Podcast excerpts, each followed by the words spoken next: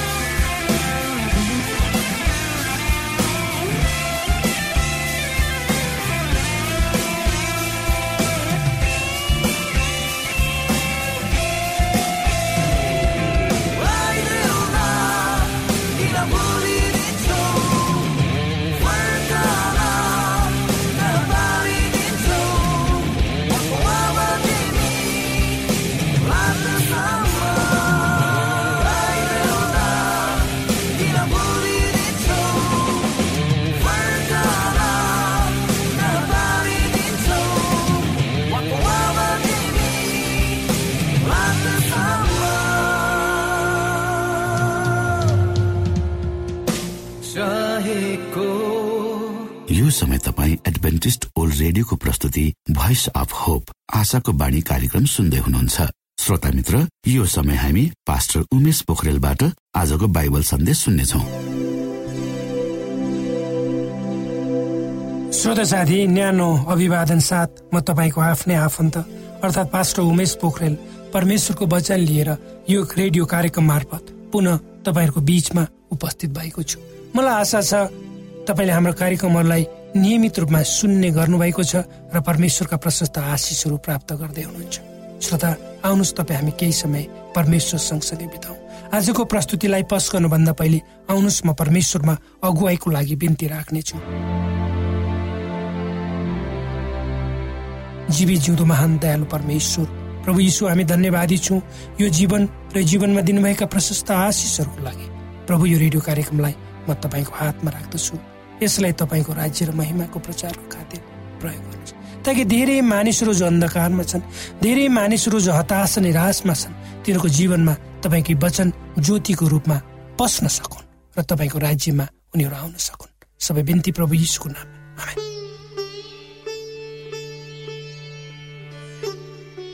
श्रोत साथी Kenneth Holland परमेश्वरको प्रविधि भन्ने लेखमा यसरी इङ्गित गर्दै लेख्छन् परमेश्वरलाई थाहा छ हामी प्रत्येक सेकेन्ड कहाँ हुन्छौँ र के गर्छौँ। अङ्ग्रेजी महिनाको मे चौबिस उन्नाइस सय पैँसठीमा लेखेको आफ्नो लेखमा उनी भन्छन् वैज्ञानिकले एउटा सानो ट्रान्समिटर एउटा चराको पछाडिपट्टिको भागको भुत्लामा राखेर त्यसलाई उडाइदिन्छ। त्यही समय उनीहरूले एउटा प्लेन चरा पठाएकै ठाउँबाट उडाउँछन् त्यसमा रिसिभर राखिएको हुन्छ। र चराको उडानको सङ्केतको आधारमा उक्त प्लेनको पाइलटले रातिको अन्धकारमा आठ घन्टासम्म उक्त प्लेनलाई सही दिशामा उडाउन सक्छ र अन्त्यमा उक्त चरा जहाँ गएर रोक्यो त्यही त्यो प्लेनलाई सफलतापूर्वक अवतरण गराइन्छ। स्रोत साथी यदि मानिसमा चराहरूको बाटो समुद्रमाथि समेत पछ्याउने ज्ञान हुन्छ भने त्योभन्दा धेरै कति परमेश्वरमा होला? त्यसैले त भजन सङ्ग्रहका लेखकले भजन सङ्ग्रह एक सय उन्चालिस अध्यायको सात पदमा लेख्छन् तपाईँका आत्माबाट म कहाँ अलग जान सक्छु? अथवा तपाईँको उपस्थितिबाट म कहाँ भाग्न सक्छु? हो श्रोत साथी हाम्रो आफ्नै मानवीय ज्ञान र बुद्धिद्वारा हामी उहाँबाट कदापि भाग्न वा लोक्न सक्दैनौँ। किनकि उहाँलाई सबै किनकि उहाँलाई हाम्रो सबै बाटोहरूको बारेमा ज्ञान छ। पवित्र धर्मशास्त्र बाइबलको योनाको पुस्तकमा हेऱ्यो भने त्यहाँ भनिएको छ परमप्रभुको वचन अमित्यका छोरा योना कहाँ आयो र उसलाई यसो भनियो त्यस ठुलो सहर निनब्बेमा जा र त्यसको विरुद्धमा प्रचार गर किनभने त्यसको दुष्टराई दुष्टाई मेरो सामु आएको छ। तर योना परमप्रभुबाट भागे र परमेश्वरले उनी कहाँ गइरहेका छन् भनी हेरिरहनु भएको थियो। र उहाँले ठुलो माछाद्वारा आफूबाट भागिरहेको मानिसलाई बचाउने योजना बनाउनु। यस विषयमा यसरी लेखिएको छ। तर योनालाई निल्न परमप्रभुले एउटा ठुलो माछा जुटाउनु भयो। र तिन दिन र तिन रातसम्म योना त्यस माछाको पेटभित्र।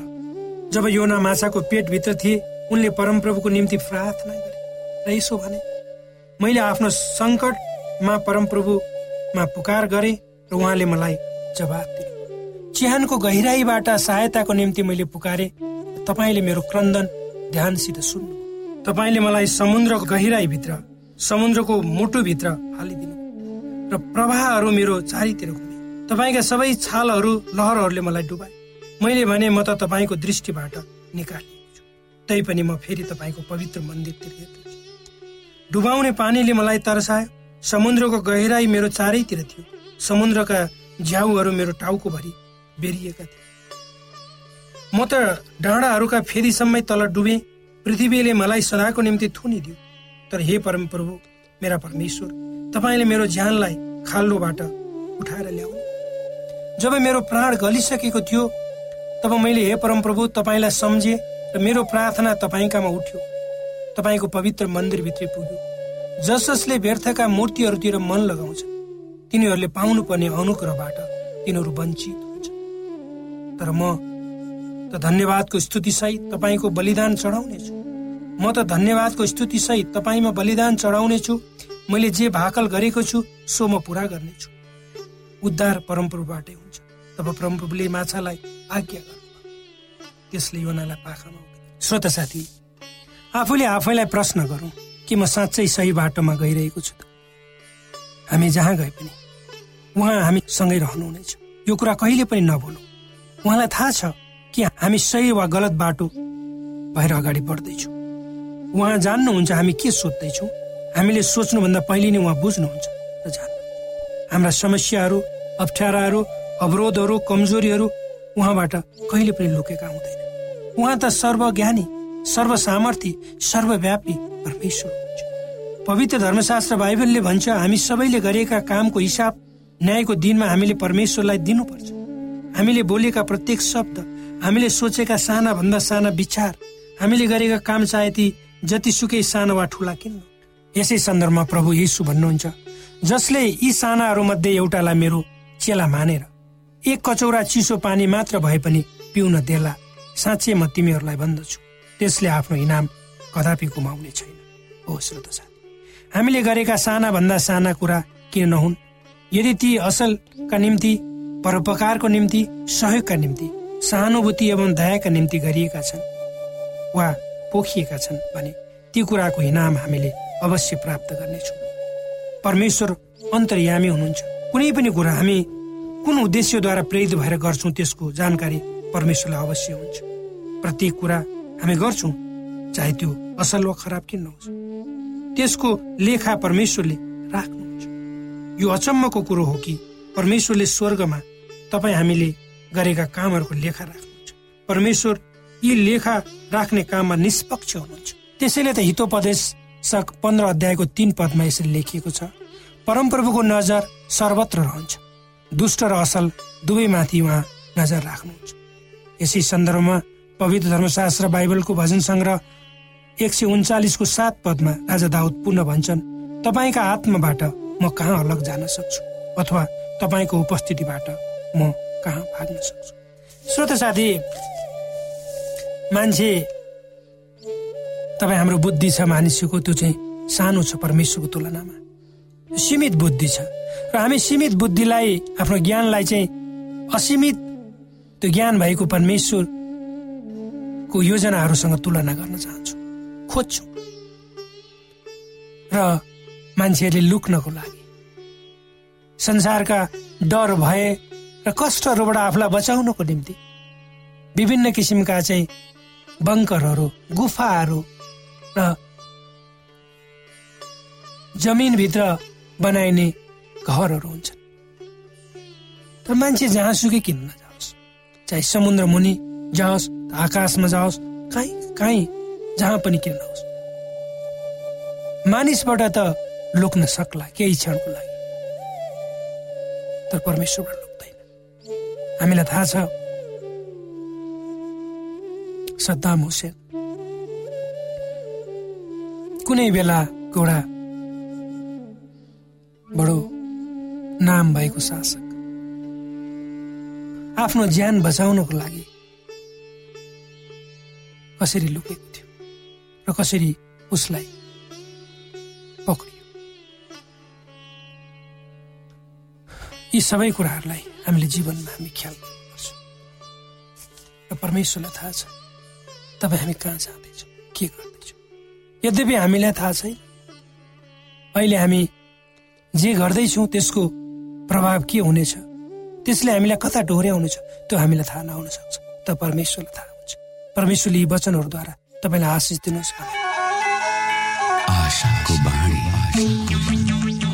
श्रोता भर्खरै यहाँले पास्टर उमेश पोखरेलबाट बाइबल वचन सुन्नुभयो।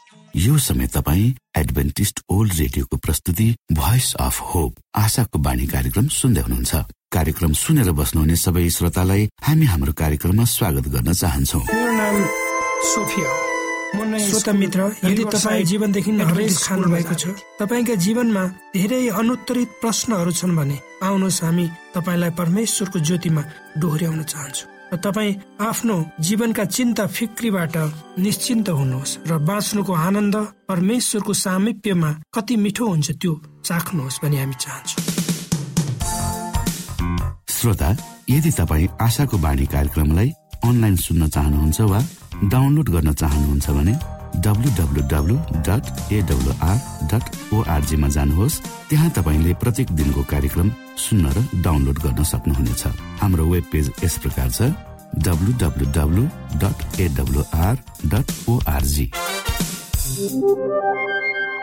श्रोता यदि तपाईँ हामीसित सिधै फोनमा सम्पर्क गर्न चाहनुहुन्छ भने हाम्रा नम्बरहरू यस प्रकार छन्। अन्ठानब्बे एकसाठी पचपन्न शून्य एक सय बिस। अन्ठानब्बे एकसाठी पचपन्न शून्य एक सय बिस। र अर्को अन्ठानब्बे अठार त्रिपन्न पन्चानब्बे पचपन्न। अन्ठानब्बे अठार त्रिपन्न पन्चानब्बे पचपन्न।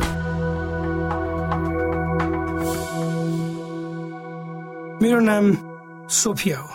म नयाँ स्कुल रिभर साइड एडभेन्टिज स्कुलमा जाँदै थिएँ। त्यो विद्यालय साउथ अफ्रिकाको केप टाउन भन्ने सहरमा पर्दछ। म नर्भस भएको थिएँ। किनभने मलाई उक्त विद्यालयको बारेमा केही पनि थाहा थिएन। म अर्कै सहरको एउटा सामुदायिक विद्यालयमा पढ्थेँ। त्यहाँ ठुला बच्चाहरूले साना बच्चाहरूलाई हेप्ने र सताउने गर्थे। कहिलेकाहीँ तिनीहरूले साना बच्चाहरूको खाजा पनि चोरेर खाने गर्थे। त्यहाँ त्यस्तो वातावरण भए तापनि शिक्षकहरूले केही वास्ता गर्दैनथे मलाई त्यस्तो असाध्य मन पर्दैन थियो। मेरो नयाँ विद्यालय पनि त्यस्तै हुने हो कि भनेर मलाई डर लागिरहेको थियो। त्यहाँ पनि त्यस्तै बदमासहरू होलान्। म नयाँ भएको कारणले त्यहाँका अरू बच्चाहरूले मलाई जिस्क्याउलान्। त्यस्तो वातावरण भयो भने मैले कसरी पढ्न सक्छु होला? यिनै विभिन्न प्रश्नहरू मनभरि लिएर मैले कक्षा कोठाको ढोका गचेँ शिक्षकले आफ्नो बसिरहेको ठाउँबाट मलाई हेर्नु भएर मुस्कुराउनु भयो। उहाँले सबै कक्षाका विद्यार्थीहरूको सामान्य मलाई परिचय गराउँदै भन्नुभयो हामीसित नयाँ विद्यार्थी आएकी छिन्। म हाँस्ने कोसिस गरेको थिएँ। मलाई अचम्म लाग्यो। मलाई देखेर कक्षाका सबै विद्यार्थीहरू मुसुक हाँसे मेरो ठाउँमा गए र मेरो सामानहरू राखे र म पनि बसेँ।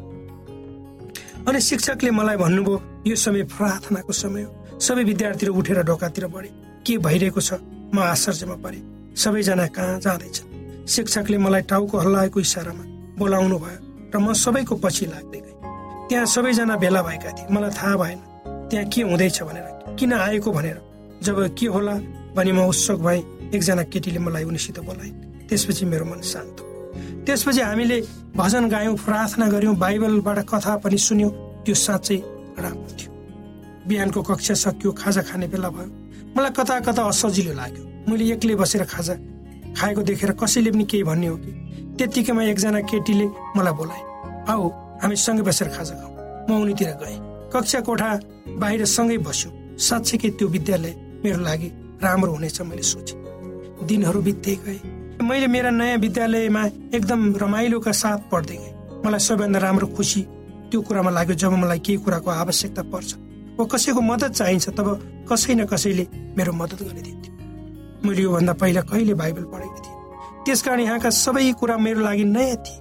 तर मेरा साथीहरूले मलाई जहिले पनि मद्दतको आवश्यकता पर्थ्यो उनीहरू मेरो मद्दत गर्थे।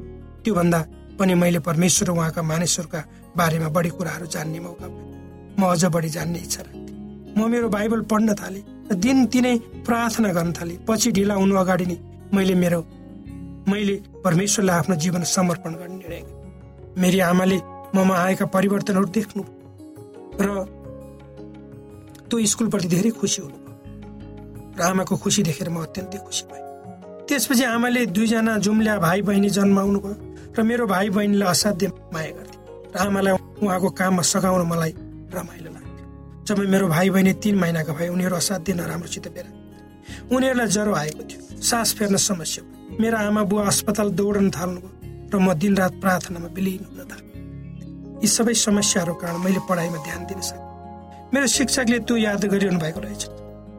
जब मैले मेरा दुइटै भाइ बहिनी बिरामी भएको खबर शिक्षकलाई सुनाएँ त उहाँले पढाउन बन्द गर्नु भएर कक्षाका सबैजना मिलेर प्रार्थना गर्न थाल्नु। प्रार्थनाले मेरो डर हरायो। र मैले फेरि आफ्नो पढाइमा ध्यान दिन सकेँ। दुई हप्ताको अस्पतालको बसाएपछि मेरा भाइ बहिनी घर आए। जब मेरो विद्यालयको लामो विदा भयो म मेरी हजुरआमालाई भेट्न गएँ। जुन केही घन्टाको बाटो थियो। एक दिन हजुरआमाको घरमा फोन आयो। उहाँले फोन उठाउनु भयो जसँग हुँदै मेरो अनुहारमा हेर्नुभयो। त्यसपछि उहाँले मलाई भन्नुभयो कि मेरो भाइ बित्यो भनेर।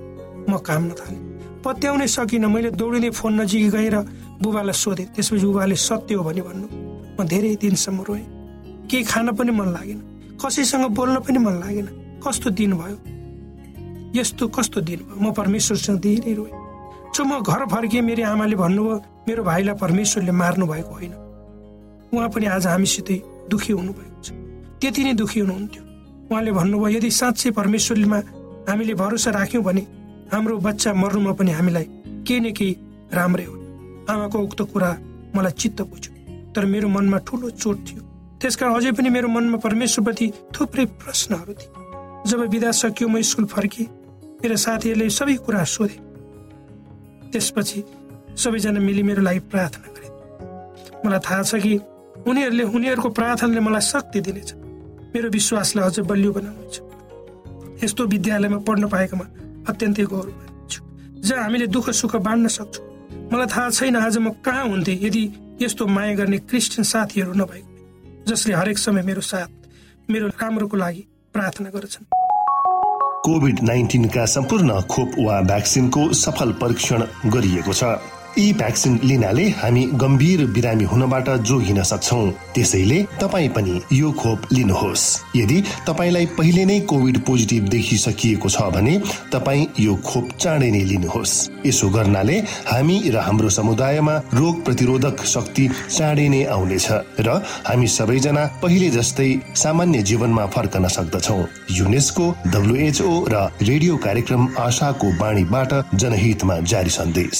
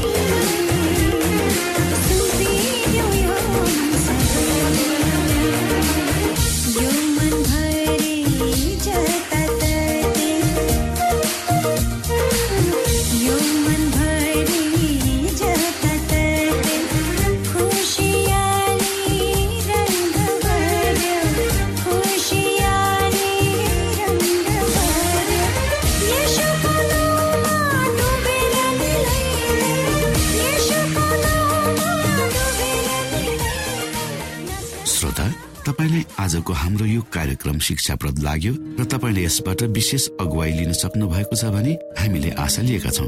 हामीसँग पत्राचार गर्ने हाम्रो ठेगाना यस प्रकार छ। आशाको बाणी पोस्ट बक्स नम्बर दुई शून्य शून्य शून्य दुई काठमाडौँ नेपाल। श्रोता यदि तपाईँ हाम्रो स्टुडियोको नम्बरमा सम्पर्क गर्न चाहनुहुन्छ भने हाम्रा नम्बरहरू यस प्रकार छन्। अन्ठानब्बे एकसाठी पचपन्न शून्य एक सय बिस। अन्ठानब्बे एकसाठी पचपन्न शून्य एक सय बिस। र अर्को अन्ठानब्बे अठार त्रिपन्न पन्चानब्बे पचपन्न। अन्ठानब्बे अठार त्रिपन्न पन्चानब्बे पचपन्न। अवस्था श्रोता भोलि फेरि यही स्टेशन र यही समयमा यहाँसँग भेट्ने आशा राख्दै प्राविधिक साथी राजेश पास्टर उमेश पोखरेल र कार्यक्रम प्रस्तुता म रवि। यहाँसँग विदा माग्दछौ। नमस्कार।